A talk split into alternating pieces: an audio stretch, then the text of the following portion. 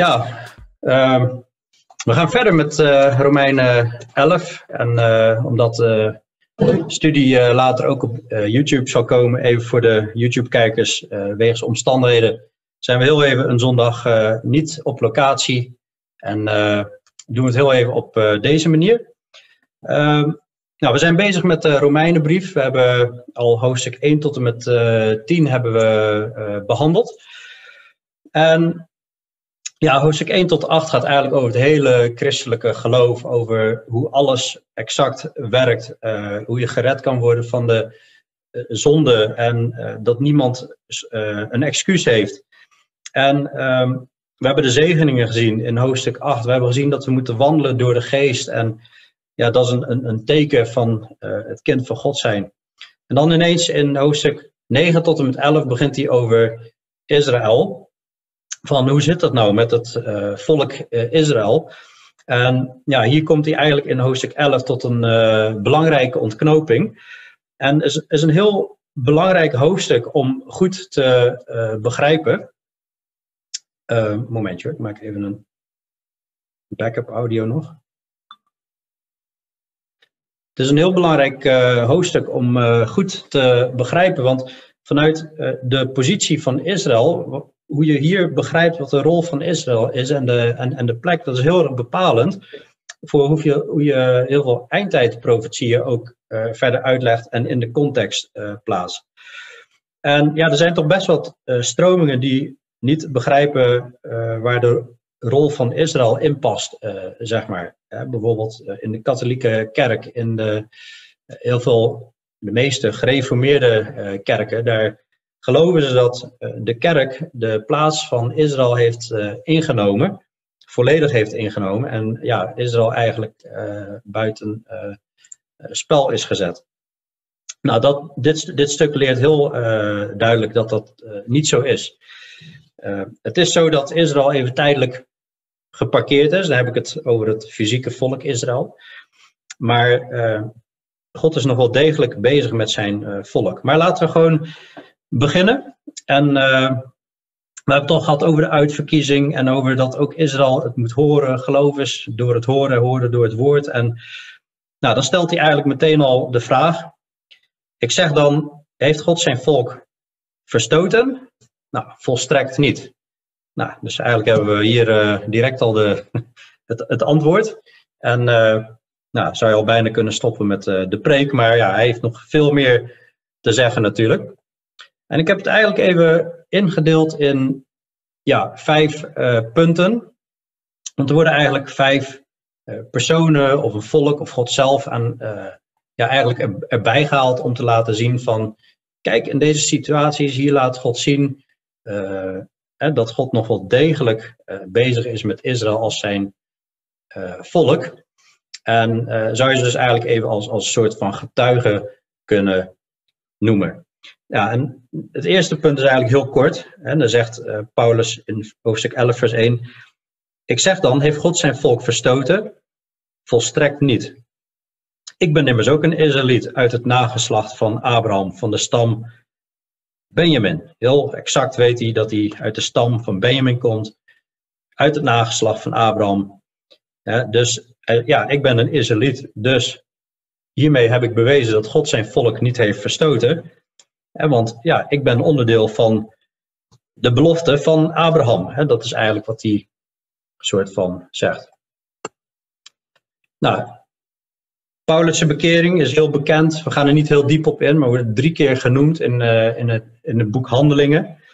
En uh, ja, je zou het eigenlijk een beetje kunnen vergelijken. Hij was ook ja, echt tegen God gekeerd. Eigenlijk, dat wist hij niet, maar tegen Jezus uh, gekeerd. En ja, een groot deel van Israël is ook tegen Jezus gekeerd. Maar ineens zag hij Jezus en zo zal ook het heel, heel het volk Israël ook op een dag uh, Jezus zien. Ze zullen zien wie zij doorstoken hebben. En ze zullen, zo zal Israël ook Jezus zien als hij uh, komt en hem herkennen als Messias. En zich bekeren en hem aannemen, net als bij Paulus. Niet dat hij dat hier uitlegt, maar het is een mooi vergelijk, een mooie parallel. En dan uh, in vers uh, eh, 2 tot en met 10 gaat hij eigenlijk een, een, volgend verhaal erbij halen, namelijk ook de profeet Elia. Hij zegt in vers 2: God heeft zijn volk dat hij van tevoren kende, niet verstoten. Of weet u niet wat de schrift zegt in de geschiedenis van Elia, hoe hij God aanspreekt over Israël en zegt: Heere, uw profeten hebben zij gedood en uw altaren afgebroken, en ik ben alleen overgebleven. Ook staan zij mij naar het leven. Maar wat zegt het goddelijk antwoord tegen hem? Ik heb voor mijzelf nog 7000 mannen overgelaten die de knie voor het beeld van Baal niet gebogen hebben. Zo is er dan ook in de tegenwoordige tijd een overblijfsel ontstaan overeenkomstig de verkiezing van de genade. Dus eigenlijk net als in de, in de tijd van Elia, we kennen het bijzondere verhaal van, uh, van Elia, hoe ja, God vuur uit de hemel liet komen op het altaar. Liefst zou ik het hele verhaal vertellen, zo'n mooi verhaal, maar en, uh, ja, eigenlijk het, het, het offer verbrand werd. Hij doodde 450 uh, profeten, maar hij moest op de vlucht voor Izebel, voor de meesten denk ik een, een bekend verhaal. En op de vlucht voor Izebel ja, gaat hij zich eigenlijk verbergen en uh, ja, denkt hij echt dat hij alleen is overgebleven.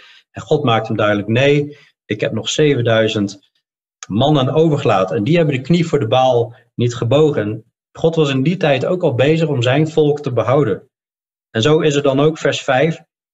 In deze tegenwoordige tijd, in de tijd van Paulus, ongeveer 57 na Christus, wanneer hij deze brief schrijft, in die tegenwoordige tijd, maar ook nu in 2021, net zo goed, is er ook in deze tegenwoordige tijd een overblijfsel ontstaan, overeenkomstig de verkiezing van de genade. Daar zal ik straks wat meer over vertellen over deze tijd. En hij haalt hier weer de verkiezing aan. Daar hebben we uitgebreid bij stilgestaan in hoofdstuk 9. Als je dat gemist hebt, kun je terugkijken op YouTube. Overeenkomstig de verkiezing, maar let op, het is de verkiezing van de genade. Het is voor iedereen die een relatie met God heeft, voor iedereen die God heeft aangenomen, is het één en al genade. Niemand verdient het, het is geen werk. Nog eens een keer bevestigt hij heel sterk. Maar als het door genade is, is het niet meer uit de werken. Anders is genade geen genade meer. Ja, dat is vrij logisch. En als het uit de werken is, is het geen genade meer. Anders is het werk geen werk meer. Dus ja, heel simpel gezegd, ja, iets is gekregen of je hebt het verdiend. Eén van de twee. Als je ergens voor gewerkt hebt, dan, dan is het geen genade meer als je uh, krijgt. Als je ja, denkt uit lonen te krijgen, zeg maar. Maar goed, um, hij gaat verder met een, een vraag. Wat dan? Hè? Wat Israël zoekt, dat heeft het niet verkregen. Maar het uitverkoren deel heeft het verkregen. En de anderen zijn verhard. Nou, even terug naar het uh, verhaal nog van, van uh, Elia. God toont zijn kracht uh, aan afvallig Israël. God had Israël op het oog, ook al was het een, een, een puinhoop. 700 man die bogen niet voor Baal, maar helaas tegelijkertijd zie je altijd ook een deel wat zich verhardt. Want het was echt een, een, een puinhoop in Israël. Onder de tijd van koning Ahab moet je maar eens lezen in 1 Koningen 19 en die hoofdstukken daaromheen. Maar uh, ja, wat Israël zoekt, hè, het, het, religieuze en zo, dat heeft het niet verkregen. Maar het uitverkoren deel heeft het verkregen en de anderen zijn dus verhard. En er staat er zoals geschreven staat, God heeft hun een geest van diepe slaap gegeven. Ogen om niet te zien en ogen om niet te horen tot op de dag van heden. En nou zou je weer kunnen denken van, oh nou, uh, ja, dat is dan, dat is dan pech hè, voor hun. Maar je ziet eigenlijk, net als we eerder hebben uitgelegd bij de farao, farao verhardde eerst zelf zeven keer zijn hart en toen verhardde God zijn hart. Zo zie je eigenlijk ook bij Israël, als je het Oude Testament leest, keer op keer op keer op keer op keer op keer. Het gaat zo ongelooflijk vaak door dat Israël zich verhardt en God ongehoorzaam is. Dat je echt denkt, hoe, hoe bestaat het dat God nog verder gaat? Dus, maar uh, nu is het punt gekomen dat God heeft gezegd, God heeft hun een, een geest van diepe slaap gegeven. Let op, hij heeft ze niet aan de kant gezet, staat hier. Hij heeft zijn geest van diepe slaap gegeven. Super belangrijk vers. Ogen om niet te zien en oren om niet te horen, tot op de dag van heden. Nou, en als je 1 Korinthe uh, 10 hiernaast uh, legt en, en Hebreeën 3, uh, dan, dan zie je eigenlijk dat volk Israël, wat deden ze continu? Ze hadden ongeloof en ze waren ongehoorzaam. En zo verharden ze hun hart. En ja, nu heeft God gezegd, en nu gaat het op slot. Israël is even tijdelijk aan de kant, hè, maar niet in zijn geheel. Het uitverkoren deel heeft uh, ja, het wel gekregen, de, de genade, en de anderen zijn verhard. Dus er is een, een splitsing geweest in het volk Israël. En David zegt, laat een tafel voor hen worden tot een strik, in vers 9.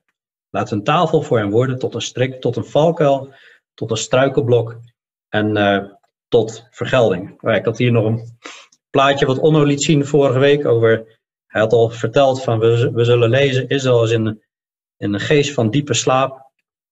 En uh, vers 9 zegt dus, laat hun tafel voor hen worden tot een strik, tot een valkuil, tot een struikelblok en tot een vergelding. Nou, zowel vers 8 als vers 9, dat zijn allemaal. Um, ik ga er nou niet allemaal heen, want ik, ik, wil straks iets meer inzoomen op het, op tweede deel van Romeinen 11. Dus ik ga hier wat, wat, wat meer in vogelvlucht overheen. Maar um, in vers 8, God heeft een geest van diepe slaap gegeven. Dat komt uit Jezaja. Ogen om niet te zien, oren om niet te horen, tot op de dag verheden. Komt ook weer uit een ander deel van Jezaja. En, en vers 9 is ook weer een, een citaat uit het Oude Testament van David, van de psalm. Dat is uh, psalm 69, uh, wat een messiaanse psalm is. Een, psalm over de vooruitwijzing naar Jezus, maar hierin staat ook, laat hun tafel voor hem worden tot een strek. En een tafel in het Oude Testament, dat staat eigenlijk voor de, zegen. Uit Psalm 23, de Heer is mijn herder, u richt voor mij een tafel aan voor de ogen van wie mij benauwen. Een, een tafel staat voor zegen. Maar hun zegen, laat hun zegen eigenlijk, hun tafel worden tot een strik. tot een, een, een valkuil, een struikelblok en tot een vergelding, tot een oordeel. Dat zijn allemaal hele duidelijke, maar helaas harde woorden. Vers 10 zegt, laat hun ogen verduisterd worden, zodat zij niet zien en maken hun rug voor altijd krom. Ze zien het niet, ze zijn verblind. 2 Korinthe 3, dat legt ook uit wanneer Israël op dit moment het Oude Testament leest, hè, dan is er een, een bedekking. Ze kunnen het gewoon niet begrijpen. En totdat ze het evangelie aannemen, dan kunnen ze het wel begrijpen. Dan wordt de bedekking weggenomen. Maar voor het verharde deel, die zijn verduisterd. Ze kunnen niet zien en maken hun rug voor altijd krom. En ja, ik geloof dat de rug voor altijd krom maken.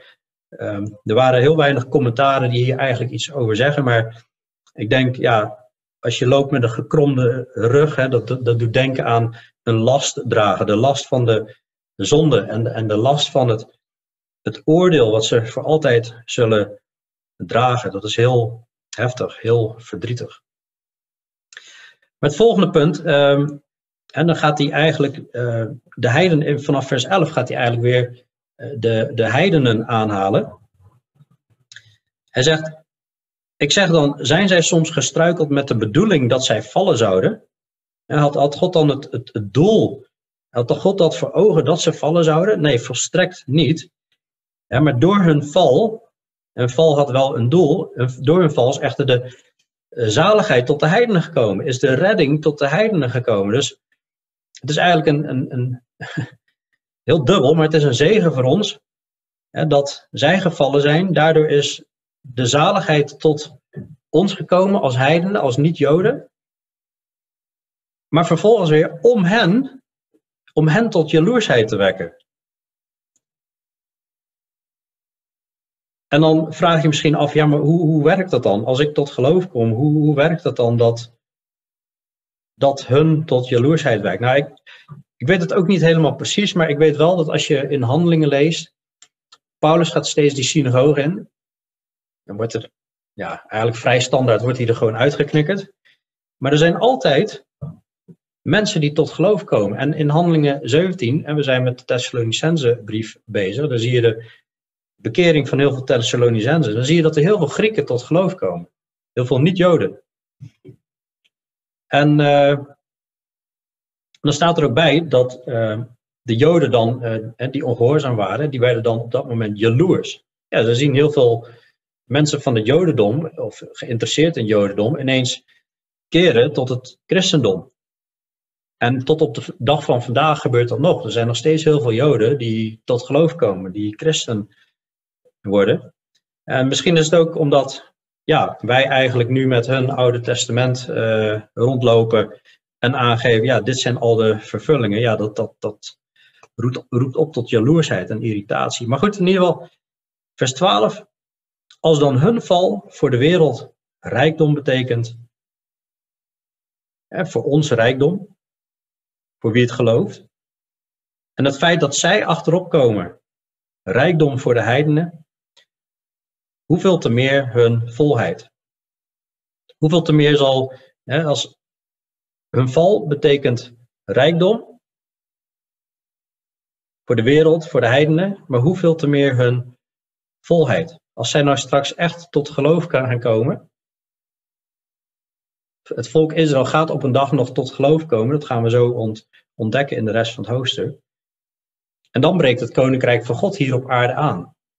En dan is, gaat Jezus hier koning zijn. En dan is op aarde is Israël weer Gods volk, maar wij zijn de bruid van uh, Christus. Het is een, en al ja, glorie en, en, en heerlijkheid. En dat wordt geweldig. Maar hoeveel te meer hun volheid. Als zij straks ten volle tot geloof komen, dan wordt het een bijzondere zegen voor de wereld. Want tegen u, de heidenen, zeg ik, vers 13, voor zover ik de apostel van de heidenen ben, nog eens heel duidelijk dat Paulus echt, hij ging wel eerst naar de Joden, maar hij, ja, hij wist dat hij geroepen was voor de heidenen, en maak ik mijn bediening heerlijk. Tegen u de heidenen zeg ik, voor zover ik de apostelen van de heidenen ben, maak ik mijn bediening heerlijk. Wat, wat bedoelt hij daarmee? Ik geloof dat hij er helemaal voor gaat. Gewoon glorieus, glansrijk, ten volle ervoor gaat. Hij maakt zijn bediening heerlijk, dat het, dat het echt iets prachtigs is. Om daardoor zo mogelijk mijn verwanten, wat betreft het vlees, tot jaloersheid te verwekken en enige uit hen te behouden. Hij als Jood, notabene een ex-fariseer,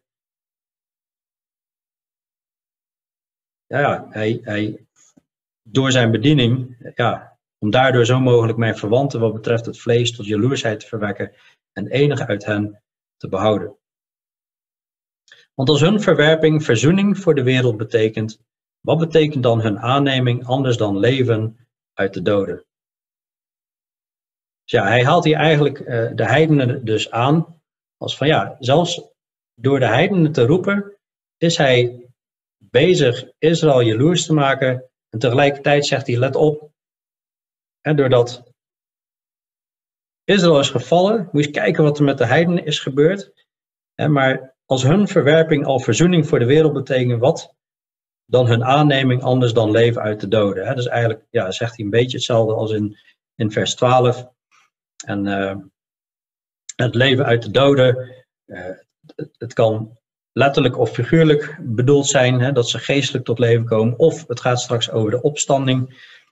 En uh, we hebben het wel eens eerder gehad over de eerste en de tweede opstanding. De eerste opstanding, daaronder valt de opstanding van Jezus, de opname en um, de opstanding van degene na de grote uh, verdrukking, die uit de grote verdrukking komen. Dat wordt in, in openbaring 20 uh, benoemd. En de tweede opstanding is het oordeel voor de grote witte troon, wanneer mensen in de poel van vuur geworpen worden. En, en, en de tweede dood. Maar in ieder geval, wanneer dit moment is, hè, en, en kort samengevat, hè, uh, ja, wanneer Jezus terugkomt, hè, dan, dan is in ieder geval het tijdperk van de, van de opstanding van de doden. Hè. Dat is als Israël verzoend wordt, hè, dat wordt een, een, een, prachtig, een prachtige tijd die dan gaat uh, aanbreken. Ja, en dan komt hij, uh, het vierde punt heb ik even genoemd, hè, de, de aartsvaders, die gaat hij erbij halen. En uh, ja, je, gaat die, je ziet heel de tijd al in het plaatje in beeld een boom, een olijfboom. En die olijfboom staat voor Israël. En dat zie je in vers 16, 17, 18 en dan in, in die gedeeltes erna komt hij daar steeds op terug.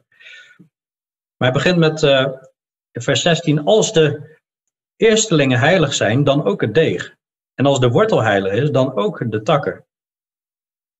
Als nu enige van die takken afgerukt zijn en u, die een wilde olijfboom bent, in hun plaats bent geënt en mede deel hebt gekregen aan de wortel en de vettigheid van de olijfboom, beroem u dan niet tegenover de takken en als u zich beroemt, u draagt de wortel niet, maar de wortel u.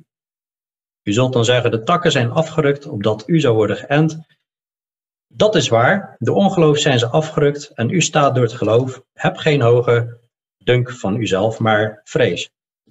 Ja, gaat zo nog uh, verder, maar ja, in vers 16, eh, dat zijn van die uh, zinnen dat als je het Oude Testament nog niet heel goed kent, dan lees je zo'n zin en als de eerstelingen heilig zijn, dan het degen ook. ja, dan denk je echt van, uh, what in the world, waar heeft hij het over? Als de eerstelingen heilig zijn, dan het degen ook. En als de wortel heilig is, dan de takken ook. Nou, het was eigenlijk zo, als je een, een, een oogst had in, uh, ik zal even het plaatje terug doen, want dat lijkt misschien een beetje af. Als je een oogst had in Israël, uh, bijvoorbeeld van tarwe, dan had je de eerstelingen en die, die bracht je bij de Heer. Tienden bracht je bij de Heer. En ja, of het deeg, zeg maar. Hè, als je een deel van het deeg bracht, zeg maar, bij de Heer, een, een, een deel van het deeg, dan was eigenlijk heel dat deeg werd dan eigenlijk heilig verklaard. En dan gaat hij nog een voorbeeld aanhalen, ik leg het zo uit. En als de wortel heilig is, dan de takken ook. Waar doelt hij eigenlijk op? Hij, hij doelt op uh, Israël. Het beeld is de olijfboom, hè, dat is een beeld van Israël. Dat zie je in het Oude Testament, zie je dat herhaaldelijk uh, terugkomen. Um, maar er wordt hier gesproken over de wortel. Als de wortel heilig is, dan de takken ook. Nou, wat is de wortel van Israël? Dat begint bij Abraham, Isaac en Jacob. Dat zijn de wortelen. Zeg maar de, de aartsvaders worden die genoemd. Abraham, Isaac en Jacob, de, de stichters van Israël.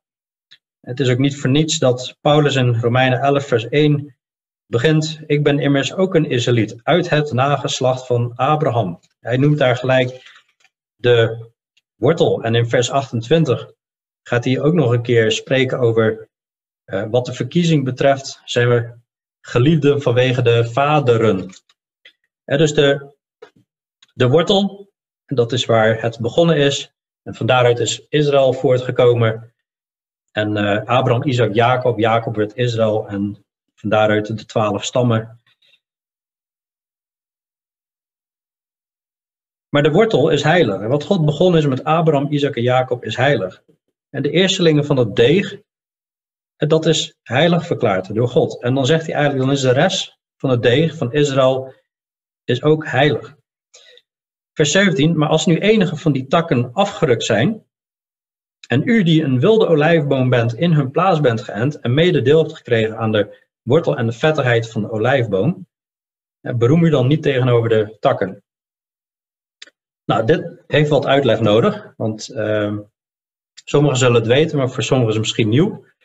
Um, als je een, een, een boom hebt um, en je gaat enten, dat betekent dat je takken van een andere boom pakt en die ga je met een bepaalde techniek in die boom, in een nieuwe boom plaatsen.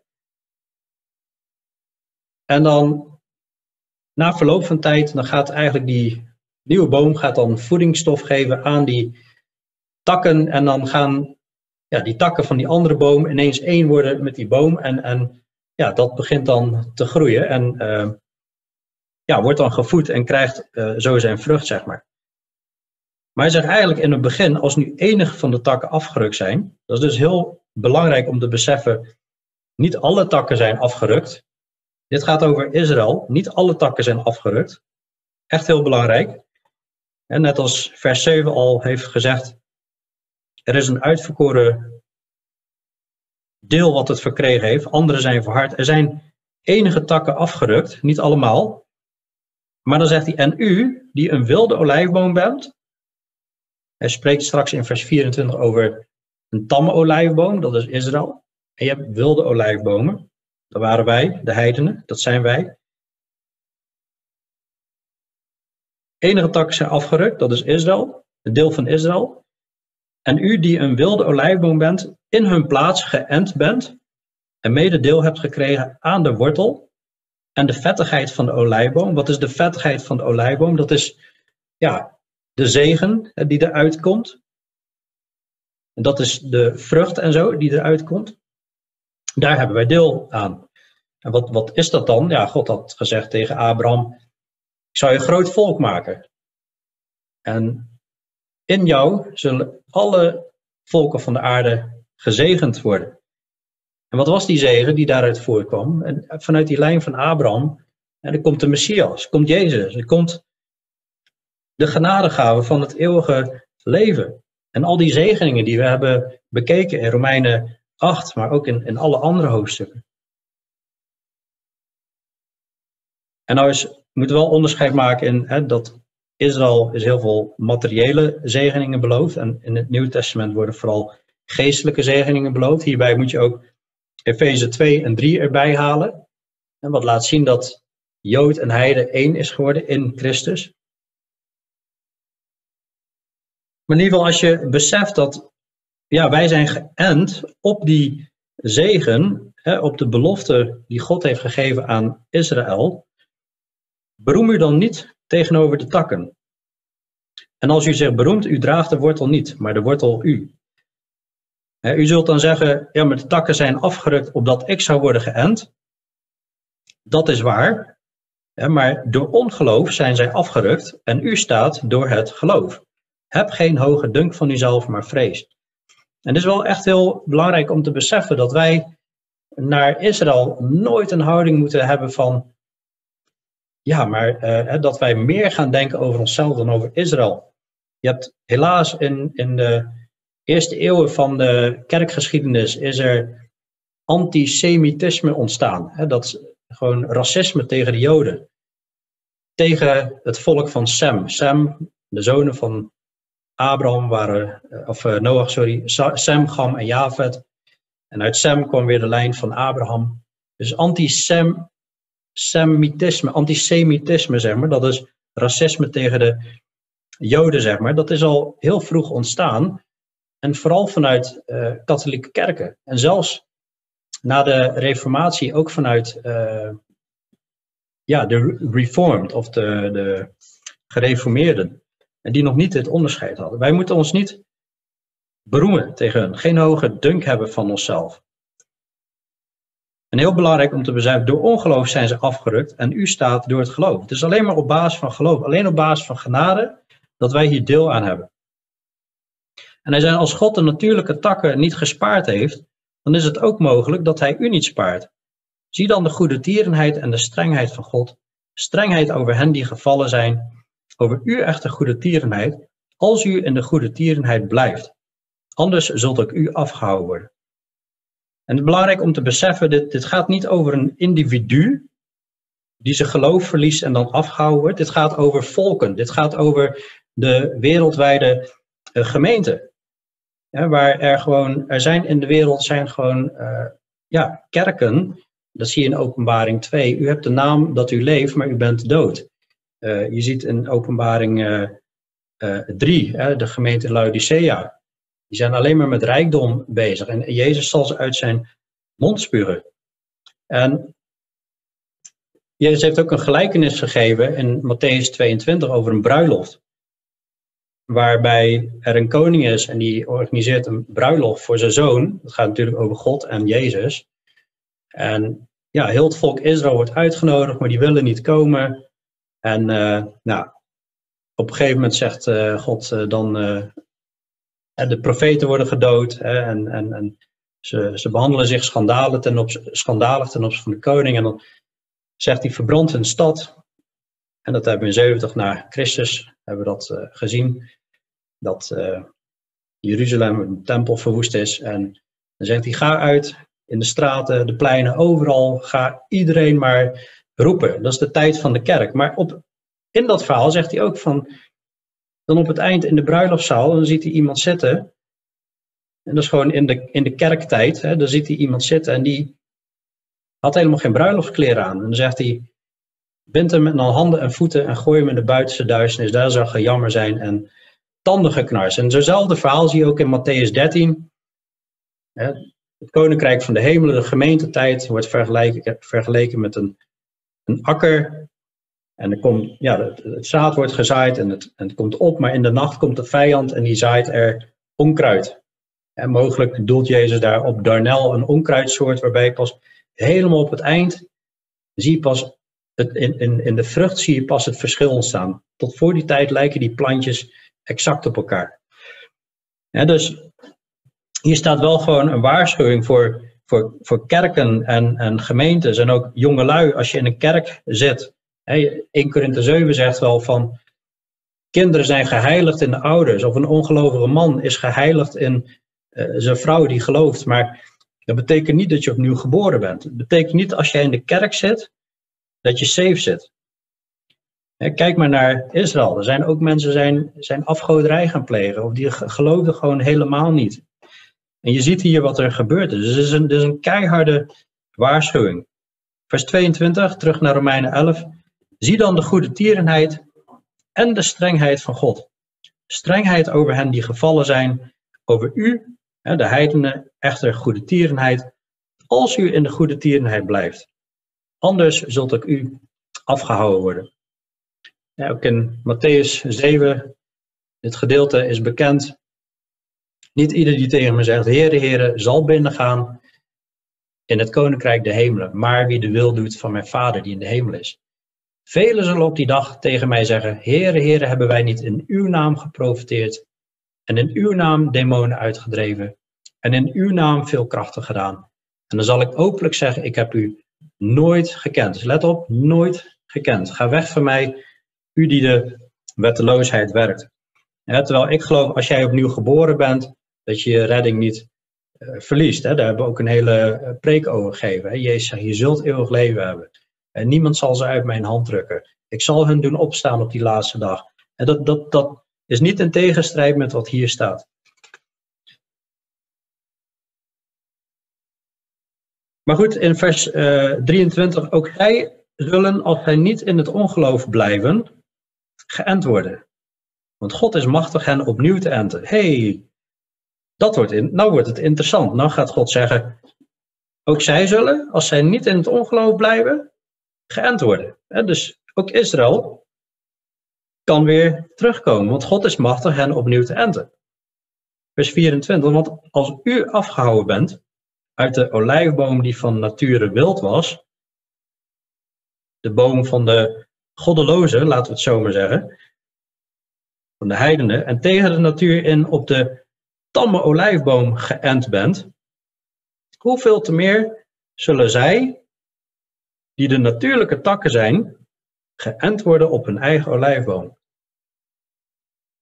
Dus hier zegt God eigenlijk hè, dat, dat, er nog een moment komt, hoe, hoeveel te meer zullen zij, die de natuurlijke takken zijn, geënt worden op hun eigen olijfboom. En dan komen we eigenlijk op het punt hè, waarin uh, ja, we gaan zien dat ook, ook God hier echt dingen zegt en gezegd heeft over de rol en de positie van, van Israël en dat er wel degelijk nog een plan is. Vers 25 is een, is een, is een hele belangrijke. Hij zegt, ik wil niet broeders dat u geen weet hebt van dit geheimenis. Ofwel, dit moet je echt weten. Dit moet je weten van dit geheimenis. He, opdat u niet wijs zou zijn in eigen ogen. Dat er voor een deel verharding over Israël is gekomen dat hebben we nu dus al een paar keer gezien. Voor een deel is verharding gekomen over Israël. Deel van de takken zijn afgerukt, niet allemaal. Totdat de volheid van de heiden is binnengegaan. Dit is bijzonder, totdat de volheid van de heiden is binnengegaan. En de tijd, de genadetijd waar wij nu in leven, wordt ook wel, dus de, uh, de tijd van de, van, van de heidenen genoemd, hè, dus, dus de tijd van de gemeente. En er loopt ergens een teller, ik zal vast even het volgende vers ook lezen. En, en zo zal heel Israël zalig worden, zoals geschreven staat, de verlosser zal uit Sion komen en zal de goddeloosheden afwenden van Jacob. Er, loopt ergens een teller in de hemel bij God. Elke keer komen er heidenen tot geloof. Klik, klik, klik. En dan op een, op een bepaald moment, dan is... Momentje, ik moet even iemand opnieuw binnenlaten. En op een bepaald moment, dan is die volheid van de heidenen binnengegaan. Dan is dit tijdperk is klaar, zeg maar. De gemeente is tot zijn verleiding gekomen. De bruid van Christus is compleet. En zo zal heel Israël zalig worden. Zoals geschreven staat, de verlosser zal uit Sion komen en zal de goddeloosheden afwenden van Jacob. En dit is het verbond van mij met hen wanneer ik hun zonde zal wegnemen. Zij zijn weliswaar wat evangelie betreft vijanden vanwege u, maar wat de verkiezing betreft geliefden vanwege de Vader. Ik geloof hè, dat Gods plan met Israël echt weer opgepakt gaat worden. Dat zie je ook in de 70 jaarweken. De 70 jaarweken in, uit Daniel. In Daniel 9, die kun je terugluisteren online. Of de preek over de eindtijd samenvatting. Daar behandelen we ook de jaarweken. En dan zie je dat die jaarweken zijn bestemd specifiek voor Israël. Om Israël tot bekering te brengen. En er is nog één jaarweek die open staat. Die nog niet vervuld is. En Jezus spreekt zelf nog over dat hij eh, toekomstig is. Hè? Dus het moment dat de gruwel van verwoesting in de tempel zal staan, dus al een antichrist zal daar, ehm, wanneer de nieuwe tempel er is, hè, gaan, gaan offeren en al die uh, dingen aan uh, ja, afgoderij plegen. Maar in ieder geval op het, op het eind van die zeven jaar, en dat sluit ook aan met profetieën uit Zacharia en, en Ezekiel moet je erbij halen, lijkt me heel mooi om nog eens een keer goed te bestuderen. Maar dan zal Israël zal echt tot bekering komen. En Zacharia 12 zegt, zij zullen zien wie zij doorstoken hebben. Het wordt een verschrikkelijke tijd voor Israël. Het wordt een hele, hele zware uh, tijd. Een tijd van uh, Jacobs benauwdheid. En uh, Zacharia 13 legt uit dat twee derde van Israël zal gaan sterven. volken rondom, die keren zich heel zwaar tegen. Dat gebeurt al best vaak, maar dan wordt het nog zwaarder. En je ziet eigenlijk al dat, dat, dat dit allemaal in vervulling aan het gaan is. Um, vers 32 zegt ook, God heeft hen allen in ongehoorzaamheid opgesloten om zich over allen te ontfermen. Hij heeft ze geest van diepe slaap gegeven. Hij heeft ze nog opgesloten uh, in ongehoorzaamheid, maar hij gaat zich nog over hun ontfermen. Maar wat interessant is om ook te zien, is we zien eigenlijk nu al het toneel in de wereld veranderen. Dat God dit plan aan het uitwerken is met Israël. Um, het is bizar hoe, hoe, na 1900 jaar Israël was verstrooid over de hele wereld en God heeft ze bij elkaar gebracht in het land en ze zijn een staat geworden. En, en, en je ziet alles is aan het inbeuken. Ja, nu was het heel even vrede, maar continu is alles aan het inbeuken op Israël in die, in die gebieden. Maar Zacharia zegt ook, dan zegt God, ik ga Jeruzalem maken tot een bedwelmende beker voor alle volken rondom. Ja, ook tegen Juda zal het gaan bij de belegering van Jeruzalem. Op die dag zal het gebeuren dat ik Jeruzalem zal maken tot een steen die moeilijk te tillen is voor al de volken. Alle die hem optillen zullen zichzelf zeker diepe sneden toebrengen. En al de volken van de aarde zullen zich tegen haar verzamelen. En op het eind gaat de battle in de grote verdrukking, is maar één doel. En dus alles is gericht op, op Israël. En je ziet de voortekenen al. Je ziet al hoe vaak ook mensen Israël hebben geprobeerd uit te roeien. En waarom? Satan weet dit. En Satan weet, dit volk moet uitgeroeid worden. Want als dat volk uitgeroeid wordt, dan kan God zijn belofte niet meer uh, vervullen. En uh, ja, in 1948 is Israël een staat geworden. Dat is dus een, dus een, een groot wonder van God. En uh, vorige keer over Stalin en Hitler. En ja, zware antisemitisten. Hitler verantwoordelijk voor 6 miljoen Joden. Maar deze mannen hebben er wel voor gezorgd, mede met heel veel andere landen die ook Joden hebben vervolgd en gedood. Die hebben ervoor gezorgd dat Israël, dat de Joden teruggingen naar hun land. Een staat werden in 1948 op 14 mei. Dat was een groot, groot, groot feest. Dus, dus, dus dit zijn allemaal profetieën die voor onze ogen zich vervullen. En in 1967, hè, was ook weer heel bijzonder. Het, alle spanningen die laaiden op. En had je de Zesdaagse Oorlog. Eh, er, was, er werd steeds meer druk uitgeoefend. En uh, ze hadden vijandschap met Egypte, met Jordanië aan, aan, de, de oostzijde en uh, Syrië bovenin. En in zo'n zesdaagse oorlog ongelooflijk wat hier gebeurt. Maar ik, geloof, ik noem dit omdat ik geloof dat God is echt bezig zijn plannen te vervullen.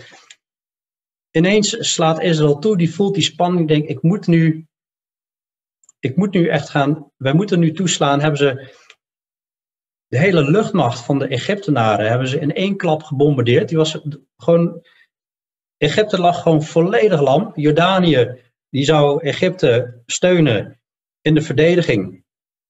En niet zozeer aanvallen, maar die zou ineens, ja, draaide het om, gingen ze wel aanvallen. Bam, ook daar sloeg Israël hard terug. En vanuit het noorden kwam Syrië binnen, ook daar sloegen ze hard terug. En er waren 20.000 doden aan de kant van alle omliggende landen. En dan nog duizenden vermisten, missing in action. En aan de kant van Israël waren duizend doden. Het is ongelooflijk hoe God ja, echt zo'n land beschermt, terwijl er zulke, zoveel landen rondom aan het strijden zijn tegen. Dit zijn allemaal voortekenen. Maar in ieder geval. Momentje, ik moet proberen verder te klikken. Er staat een grote dag te wachten voor Israël. Wee, zegt Jeremia, want die dag is groot. Er is er geen als hij. Het is een tijd voor benauwdheid voor Jacob. En toch zal hij daaruit verlost worden. En we zien eigenlijk best wel mooie dingen hier in vers 25 tot en met 36.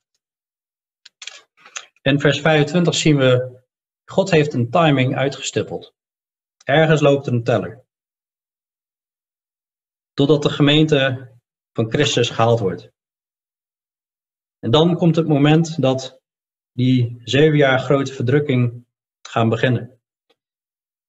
En uiteindelijk wordt heel Israël zalig aan het eind van die laatste jaarweek. Zoals geschreven staat, de verlosser zal uit Sion komen en zal de goddeloosheid afwenden van Jacob. Sion, dat staat ook wel voor de hemelse stad, het hemelse Jeruzalem. Het zou ook het aardse Jeruzalem kunnen betekenen, maar de verlosser zal in ieder geval gaan komen en zal de goddeloosheden afwenden van Jacob. Dus in vers 26 zien we, God heeft een, een belofte uitstaan. Dus een hele mooie gedeeltes om hier ook in te lezen. Jesaja 59, vers 20, 21 en Jesaja 60. En dan zie je ja, dat Jezus op een gegeven moment koning wordt. Maar God heeft een belofte uitstaan in Israël. En God is een trouw God en gaat zijn belofte vervullen. God gaat ook Israëls zonde wegnemen. Dat zien we in vers 27 en 28. Ik heb het hier even opgesomd op het scherm ook. Dit is het verbond van mij met hen wanneer ik hun zonden zal wegnemen.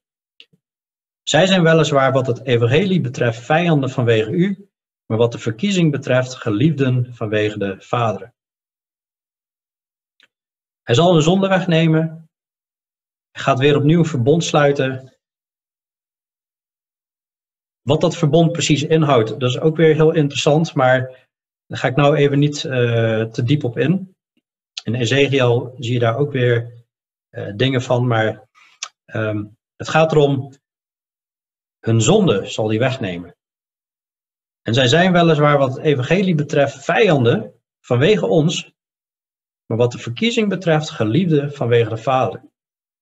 Besef dat Israël nog steeds geliefden zijn En wat de verkiezing betreft vanwege de vaderen.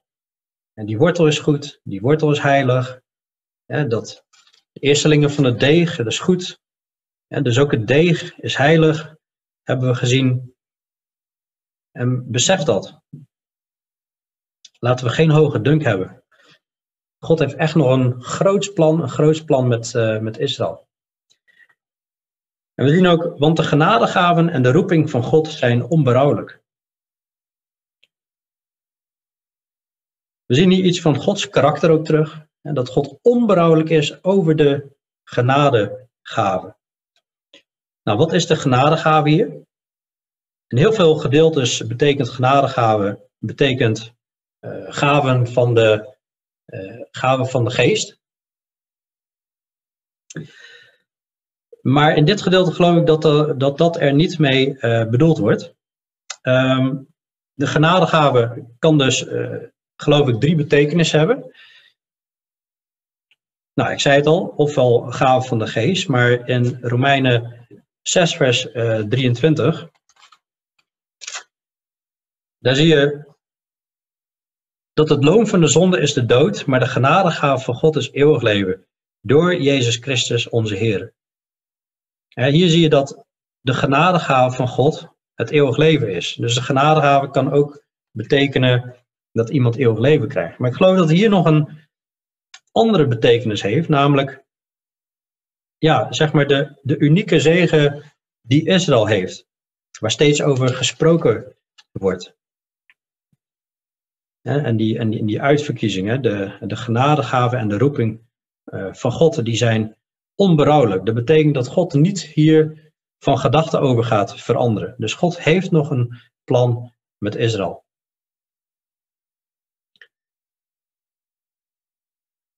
Nou, vers 30, 31. Zoals ik u immers voorheen God ongehoorzaam was, maar nu ontferming verkregen hebt door hun ongehoorzaamheid, zo zijn ook zij nu ongehoorzaam geworden, opdat ook zij door de ontferming die u bewezen is, ontferming zouden verkrijgen. Paulus heeft altijd van die uh, geweldige zinnen. Dan, dan, moet je even drie keer lezen van wat staat hier nou. Maar nou, het is eigenlijk niet zo heel ingewikkeld. Dat, zoals ik u immers voorheen God ongehoorzaam was. Nou, wij geloofden eerst niet. Volgen God niet. Maar hebben ontferming verkregen door hun ongehoorzaamheid. Hebben we continu gezien. Door hun afvalligheid is onze zaligheid gegeven. Vers 31. Zo zijn ook zij nu ongehoorzaam geworden. Nou, nou lijkt het even een beetje omgedraaid. Opdat ook zij, door de ontferming die u bewezen is, ontferming zouden verkrijgen. En dus God gaat straks zoals op dezelfde manier ons op een gegeven moment ontferming gegeven is, gaat God dat ook bij hun weer opnieuw doen. Want God heeft hen allen in ongehoorzaamheid opgesloten, om zich over allen te ontfermen. Het is wel degelijk een oordeel. Israël heeft God verworpen, heeft Jezus verworpen. Daarom heeft God een geest van diepe slaap gegeven en in ongehoorzaamheid opgesloten. Maar niet voor altijd, om zich over allen te ontfermen. Hou Israël in de gaten. Het is geweldig wat God allemaal doet vanuit het volk Israël. Hou Israël in de gaten, want ze zijn een, een, een, een, essentieel, een essentieel stuk op het toneel van in het toneel van de wereld. Je ziet ook hoe ongelooflijk vaak ze in het nieuws zijn. Maar het is zo bijzonder hoe God hen bewaard heeft. Door het Babylonische Rijk heen. Door het Rijk van de Meden en de Perzen, de Grieken en de Romeinen. Ze hebben ze allemaal overleefd. Verstrooid geweest over de wereld. En God brengt ze terug. Dat is nog, nog nooit gebeurd bij een volk. En dat komt omdat God is hier bezig met een plan uit te werken. God heeft hen alle in ongehoorzaamheid opgesloten om zich over allen te ontfermen. Maar hij komt nu eigenlijk tot een conclusie. We hebben het gehad over de uitverkiezing van Israël. We hebben het gehad over ja, hoofdstuk 10, hè, de, waar, Onno ook nog heeft, uh, gesproken over Israël. En dan hier weer over Israël. En dat we mogen beseffen, ja, God is bezig met zijn plan. En misschien kun je allemaal vragen stellen, waarom dan Israël en waarom niet een ander volk en dit en dat. En uh, hoe zit het met uitverkiezing? Maar daar hebben we het over gehad. Ik heb hier al de hele tijd het plaatje van die, die klei en die pottenbakken staan. En als we ons nog Romeinen 9 kunnen herinneren, daar hebben we het over gehad van wie bent u, o mens? Als klei, om tegen de pottenbakker te zeggen, wat doe je? Wat doet u? Hoe, waarom, doet, waarom hoe werkt het allemaal zo? En tegelijkertijd, hoe indrukwekkend is het wat God allemaal doet met Israël en hoe zij gevallen zijn en hoe wij weer deel hebben gekregen aan die olijfboom. Het is zo bijzonder wat God uitwerkt. En dat leidt tot vers 33 tot 36, tot aanbidding. O diepte van rijkdom, zowel van wijsheid als van kennis van God. Hoe ondergrondelijk zijn zijn oordelen en onnaspeurlijk zijn zijn wegen. Wat een, wat een rijkdom in Christus, wat een rijkdom in wat hij allemaal uitgedacht heeft. Zowel van wijsheid als van kennis van God. Maar kunnen wij dit ten, diepe, uh, ten diepste vatten? Hoe ondergrondelijk zijn zijn oordelen en onnaspeurlijk zijn zijn wegen? Onnaspeurlijk betekent dus niet helemaal na te speuren, na te trekken. God heeft ons al heel veel geopenbaard. Maar het is uiteindelijk ondergrondelijk en onnaspeurlijk. Want wie heeft de gedachten van de Heer gekend? Wij zullen nooit ten volle Gods gedachten beseffen en wat hier allemaal nog in meespeelt. Of wie is zijn raadsman geweest? Alle leiders in de wereld, van, van Rutte tot uh, Trump tot Joe Biden, die hebben allemaal raadsmannen nodig. Allemaal hebben ze adviseurs nodig. God heeft dat niet nodig. Wie is zijn raadsman geweest? Of wie heeft hem eerst iets gegeven en het zal hem vergolden worden? Is er iemand die denkt iets te kunnen verdienen bij God, dat je hem eerst iets moet geven om vervolgens iets terug te krijgen. Nee, alles is uit genade. Want uit hem, uit God en door God en tot God zijn alle dingen. Hem zij de heerlijkheid tot in eeuwigheid. Amen, zegt hij. Dus uit God en door God en tot God zijn alle dingen. Alle dingen. Uit God en door God en tot God ben jij. Uit, wij zijn uit God geboren. Wij zijn door Hem geboren en door Hem opnieuw geboren. En we zijn tot Hem geboren, om Hem de eer, om Hem de heerlijkheid te geven en de lof en de aanbidding en al die dingen tot in eeuwigheid. Nog even een een toepassing op het einde, wil ik nog geven. En om te beseffen dat wat je leert uit dit hoofdstuk, God bewaart mensen voor zijn volk. Soms kun je eenzaam voelen als christen, maar let op. Let op Elia, hij dacht dat hij alleen was. Maar God zei, nee, je bent niet alleen. Wij zijn niet alleen. Net zoals God in Israël mensen bewaart, bewaart hij ook voor zijn gemeente mensen. We mogen dankbaar zijn dat we elkaar hebben en niet alleen zijn. Israëls val heeft ons zaligheid gebracht, genade. En wat weer leidt tot dankbaarheid. Moet je kijken hoe Paulus hier in aanbidding raakt. En hem echt de eer geeft. En wij mogen dankbaar zijn. We hebben een pittige waarschuwing gezien. Heb geen hoge dunk van uzelf. Ten opzichte van Israël. Nee, de boodschap is bekeer je. Let op Israël, let op wat er met hen is gebeurd. Ze zijn een waarschuwend voorbeeld, zegt Paulus in 1 Korinthe 10. En Romeinen 11, als je, als je dat begrijpt, samen met andere profetieën, uit Ezekiel en Zacharia 12, 13 en 14, Openbaring 12, en je voegt dat samen. Romeinen 11 is een kennisstuk, het leert de wereld van nu te begrijpen. Dan, dan leer je weer een stukje zien van waar God mee bezig is, waar wat, wat zich op het toneel van de wereld afspeelt. En God toont zijn soevereiniteit. Hij hoeft niemand iets uit te leggen. Hij is het die bepaalt. Hij is het die, die sturing geeft in de wereld. Wat niet wil zeggen dat hij verantwoordelijkheid is, verantwoordelijk is voor de zonde natuurlijk. Maar, maar zijn soevereiniteit, dat leidt tot aanbidding. Want uit hem en door hem, tot hem zijn alle dingen. Maar de echte praktische toepassing, Romeinen 12 vers 1 eh, die, die, en 2, die halen we vaak aan. Daarin zegt hij, ik roep u er dan toe op, broeders, door de ontfermingen van God, om uw lichaam aan God te wijden als een levend offer. En dan gaan we de volgende keer mee verder. Maar hopelijk begrijpen we die ene zin in Romeinen 12. En daarom was het nodig om dit hele stuk uit te leggen van Romeinen 9, 10 en uh, eh, 11. Om te beseffen wat een genade het is dat God zich over ons ontfermd heeft. Ik roep er dan nu dit allemaal beseffend. En daarom is hij niet meteen van Romeinen 8, van al die zegeningen, meteen naar de praktijk gegaan. Maar om ons te laten beseffen, wacht, ik moet je even iets uitleggen over Israël en over hoe bijzonder het is, waar jullie deel van uitmaken. Besef je nu dat ons barmhartigheid gegeven is, genade? Door deze ontfermingen roep ik u er dan toe op om uw lichaam aan God te wijden als een levend offer.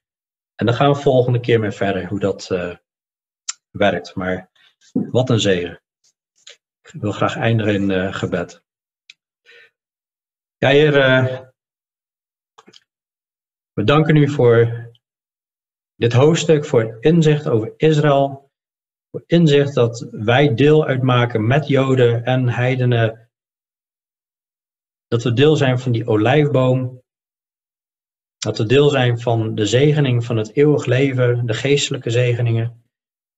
Maar we danken u ook dat u ook trouw bent en met het fysieke volk Israël nog een plan verder uit gaat werken. We bidden ook voor Israël, Heer, voor bescherming. We zien ook dat ze zoveel aangevallen worden. Maar besef gewoon dat het uw volk is, uw oogappel. Noemt u Israël. En uh, dank u dat u zelfs nu een deel nog verhard is, dat u zelfs nog over hun ontfermt. En er zelfs ook gewoon mensen tot geloof komen. Bidden voor vele gelovigen uit Israël, maar ook net zo goed uit de heiden, Heer.